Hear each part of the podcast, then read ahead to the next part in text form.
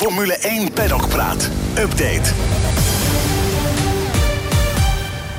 Welkom bij de Grand Prix Update van Formule 1 Magazine. Vandaag schakelen we live over naar onze verslaggever in Baku, Gerard Bos. Welkom. Ja, goeie, goedenavond Bas. Vanuit ver weg hier staan. Ja, vertel, hoe is het daar? Uh, dit is natuurlijk jouw eerste reis uh, voor het magazine uh, naar, een, naar race en gelijk een hele mooie.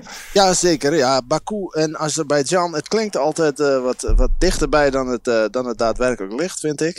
Je zit toch een beetje in het, ja, het, Turkije voorbij, dus Europa uit en richting het Midden-Oosten, zeg maar. Het is ook een beetje een mix van, van Europese invloeden, Turkse invloeden, een beetje Midden-Oosten hier. Um, dus het is een... het is een het is een mooi decor waarin deze, deze Grand Prix zich afspeelt. Dus het is een mooie, mooie reis voor mij om mee te beginnen. Maar ja, het is geen schoolreis. Hè. Er moet ook wat gedaan worden hier uiteraard voor het magazine en de site. Ja, uiteraard. hey, maar uh, speaking of de reis, voor mij ging het niet helemaal uh, volgens plan. Nee, nou ja, weet je, uh, soms duurt de reis letterlijk en figuurlijk erg lang. En uh, kom je heel laat aan. En dan uh, is, het, uh, is er ook nog een tijdsverschil van twee uur. Dus die ben je al kwijt. Dus dan is het vroeg dag. Um, ja, de reis, de vlucht had wat vertraging. Ja, dat zeg ik. Dan, dan kan het snel gaan met de tijd die je kwijt bent. En dat kom je dan weer tekort bij het begin van de volgende dag. Dus het was even opstarten hier. Toen was er ook nog een probleem met de accreditatie. Die was niet helemaal op orde. Daar hadden ze een foutje in gemaakt. Dus zo, zo was het een, een soort valse start. Maar we klagen niet. Want uh, verder is het prima. En uh, eindgoed, uh, al goed. Maar het is ook een, het is ook een belevenis. zeker ook gezien hoe, de, hoe de mensen hier zijn. Je maakt nog eens wat mee, zal ik maar zeggen. Vertel. Nou ja, weet je, kijk. Um, ten eerste kan ik zeggen als mensen van plan zijn om eens uh, echt een, een aparte Grand Prix te bezoeken, waar je niet zo snel naartoe gaat, hè, buiten Europa. Um, nou, dan, dan kan ik Baku wel aanraden. En misschien niet altijd qua races. De ene keer is het, uh, is het spektakel en de andere keer juist niet. Maar ik moet zeggen, de omgeving hier uh, is prima. De mensen, eh, de, de, de, dingen hier zijn goedkoop. De, de producten, de diensten, de tarieven. En, en de mensen, ja, die zijn ook hartstikke vriendelijk en aardig. Het is, het is wel een andere wereld. Ze hebben hier bijvoorbeeld nog nooit van het visitekaartje gehoord. Zo kwam ik achter. Ja, ja, ja het, is hier, het is een heel veilig land. Je hebt uh, overal, letterlijk op elke hoek van de straat, uh, beveiliging en politie staan. Dat heeft natuurlijk ook te maken met de Grand Prix. Maar ik heb me laten vertellen dat het uh, wel vaker hier het geval is. Dus overal word je gecontroleerd. Zeker ook bij deze race. En dus moet je je zakken leegmaken. Moet je door zo'n apparaat lopen wat dan heel hard begint te piepen. Maar goed, als je dan je zakken leegmaakt, ja, dan komen er ook wel eens visitekaartjes tevoorschijn. Dus toen, een van die beveiligers, die was helemaal verbaasd. En die pakte het kaartje en ze spreken hier wat gebrekkig Engels. En dus die vroeg zo, uh, what, what's this, what's this? Dus uh, ja, ik dacht, maakt hij nou een geintje of niet? Dus ik zei, ja, uh, it's for work, business card. Dus hij zegt, but how can you pay? How can you pay with this card? Dus hij dacht blijkbaar dat, dat het visitekaartje een bankpasje was. Dus zo zie je nog eens wat, uh, zo maak je nog eens wat, mee hier. Dus uh, nou ja, goed. Dat, dat, soort, uh, dat soort kleinigheden. En ik zei al, niet onbelangrijk, als mensen hier ooit naartoe willen. Um, de prijzen hier, jij mag raden wat hier bijvoorbeeld een liter benzine kost. Ik kan je vertellen, het kost één manat. Dat is de geldeenheid, de munteenheid hier. Wat denk jij wat één manat is? Oeh, dan zet je me even voor het blok. Nou, uh, laat ik gokken dat het uh, eh, 50 cent is. Nou, dat is niet verkeerd, want het is 53 cent, Bas. Dus, uh, dus uh, ook voor dat soort dingen, joh. En als je in de taxi moet, dan zeggen ze, ja, dat is, het is wel duur. Het is drie man had. Dat je denkt, nou ja, weet je wel. Dat valt mee. Dus zet hem op je lijstje, deze, deze Grand Prix, om te bezoeken. Ja, en misschien ook wel belangrijk voor de luisteraars die graag dit willen combineren met een vakantietripje. Wat kost een liter bier? Uh, ja, dat, dat is maar net in welk etablissement uh, je dat bestelt, heb ik hier al uh, ervaren. Want ik kan je wel zeggen, het is hier aan de ene kant een beetje pauper, aan de andere kant is het pracht en praal. Dus ehm, dat, dat hangt ook van, het, van de gelegenheid af waar je bent. Er zijn hier ook hele dure toko's, zo, zo heb ik me laten vertellen. Er wordt ook nog geraced. Ja, inderdaad. En jij bent er natuurlijk ook met een missie. Want jij moet ook hele mooie verhalen ophalen voor ons magazine. Vertel, wie heb je er al gesproken? Ja, zeker. Ja, want dat is natuurlijk de hoofdzaak. De rest is bijzaak. Maar uh, voor het magazine valt er genoeg op te duikelen hier. Hè. De break is natuurlijk voorbij. De lange pauze. Dus iedereen is blij dat het weer begint. Het is interessant om te kijken uh, wie met welke updates komt, uh, welke coureurs het goed gaan doen, hoe de teams zich hebben ontwikkeld. Nou ik heb uh, bijvoorbeeld met Nico Hulkenberg gesproken. Binnenkort een mooi verhaal over hem. Hij is natuurlijk Leuk. weer teruggekeerd. Um, daarnaast volgen we natuurlijk Max en Nick op de voet bij hun verrichtingen bij de seizoenshervatting. onze columnist Graham Watson die, uh, die voor de wedstrijdorganisatie werkt, hè, voor de FIA, voor de, voor de FOM.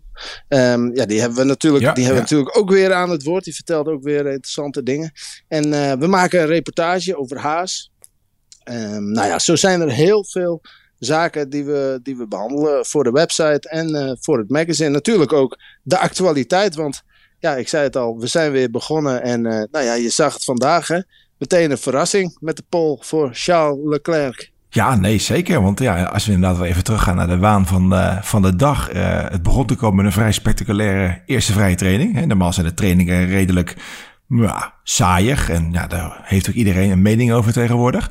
Maar uh, nu met het nieuwe sprintformat uh, dat we morgen kunnen verwachten, hadden ze maar één vrije training over. En je zag wel dat er uh, veel meer gebeurde dan standaard. Ja, precies. Ja, kijk, dat is ook Baku. Hè. Er kan ook veel, veel misgaan in, in, in deze straten.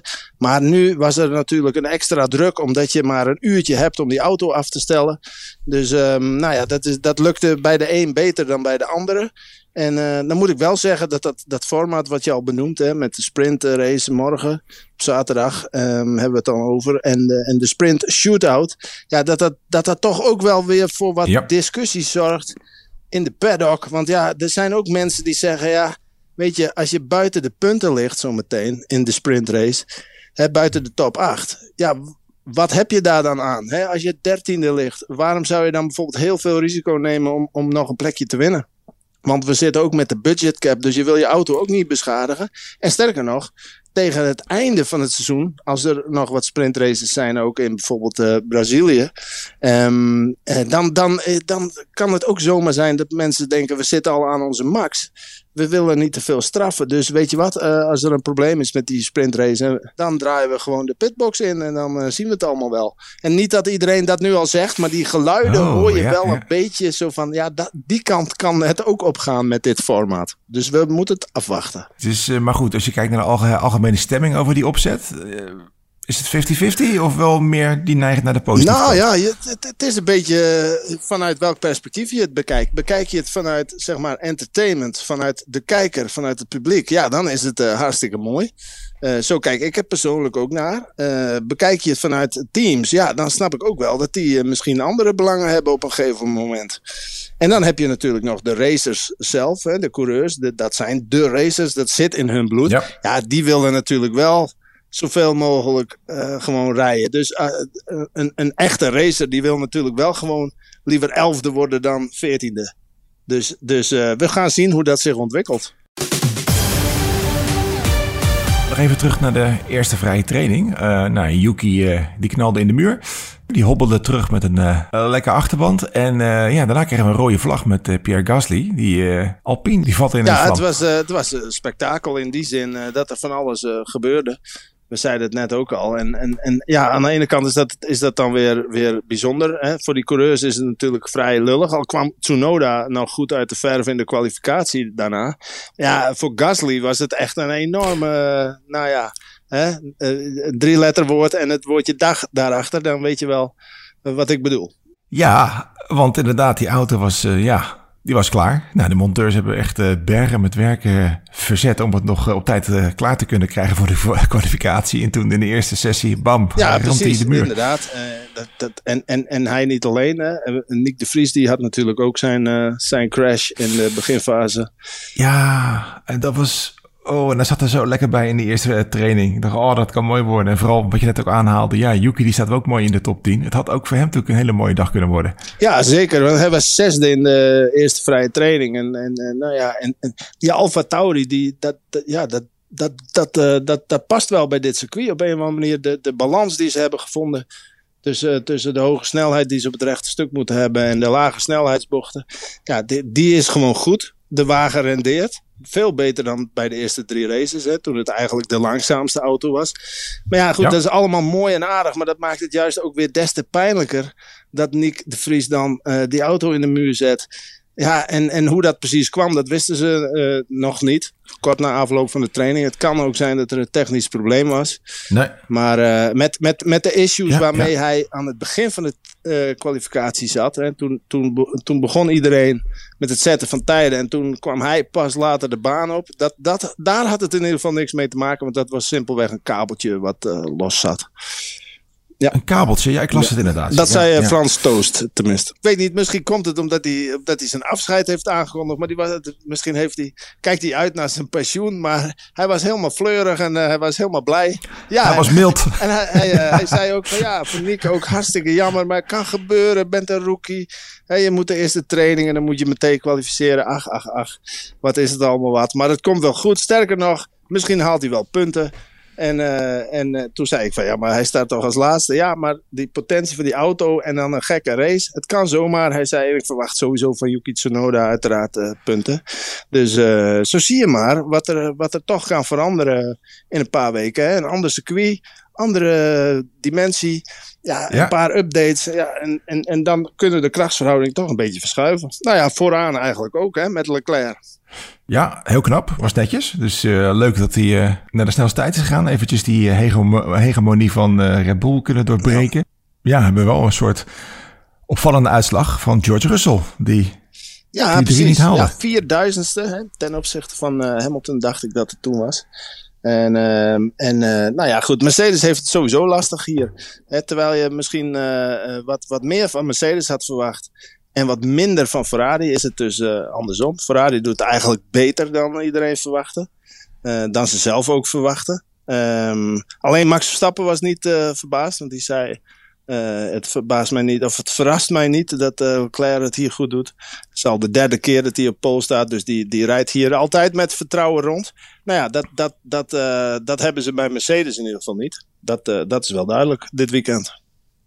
Wat zijn jouw verwachtingen voor morgen? Voor de nieuwe sprint setup. Hè? We beginnen s ochtends met de, de shootout, de kwalificatie voor de sprintrace ja. later die dag. Nou ja, kijk, Kijk, als je gewoon naar de krachtsverhoudingen kijkt. Het, heel knap hoor, Leclerc, Paul. En heel leuk ook voor, voor het is wat anders, hè. Maar, uh, en, maar je hoort het Max Verstappen ook al zeggen na afloop van... Ja jongens, uh, wij, onze, onze auto is in de race gewoon goed. En morgen, dus zondag is dat, maar morgen, dus zaterdag... dan zal de sprintrace ook al een goed beeld geven van de krachtsverhoudingen. Dus ja, ik verwacht dat, dat Verstappen... Hij had net zo goed Pol kunnen pakken vandaag. Hè, maar wordt dan tweede. Nou ja, dat zal in de sprint shootout niet anders zijn. Dan zal de volgorde in mijn beleving niet heel anders worden. Dus misschien, misschien dat Max dan als eerste start. Misschien dat Leclerc wel weer de snelste is. Misschien Perez een keer. Maar in de race, zowel op zaterdag als op zondag, zal uh, Max Verstappen toch de boventoon voeren. Zo is de algehele verwachting hier. En uh, hoeveel rode vlaggen ga je nog uh, Ja, dat is een leuk, uh, leuk huiskamerspel. Dus ik zou het zeggen tegen de mensen, ga allemaal inzetten met elkaar als je thuis kijkt. En dan kijken wie er het dichtst bij zit. Maar ik ben benieuwd of ze op één hand te tellen zijn. Of juist niet. Wat denk jij? Ja, ik ja, zet in ja, op drie. Ja, ja, ja, nou ja, drie, drie per, per race misschien wel. Dus um, je weet het niet. Nee, wat we net ook al zeiden, het is maar net hoeveel risico je ook wil nemen zometeen, weet je wel. Dus, dus, er zit ook niet zoveel verschil in de punten. Hè? Ik bedoel, of je nou zevende wordt of, of achtste of zesde, het scheelt allemaal maar steeds een puntje. Dus ja, hoeveel risico uh, ga je nemen? En, en, en dat bepaalt dus ook wat er allemaal gebeurt. Alleen waar, het, uh, waar, waar, je, waar je geen invloed op hebt, is natuurlijk uh, persoonlijke fouten. Ik bedoel, één keer te laat remmen, één keer de concentratie kwijt. Ja, dan is de muur uh, hier dichtbij. En dan is dit, uh, dit circuit onvergeeflijk. Met al die krappe, krappe bochtjes. Belooft veel spektakel inderdaad. En we gaan het zien. Nou Gerard, dank voor deze update. En succes morgen. We spreken elkaar. En op naar een heel doen, mooi raceweekend. Tot ziens. Yo, hoi hoi.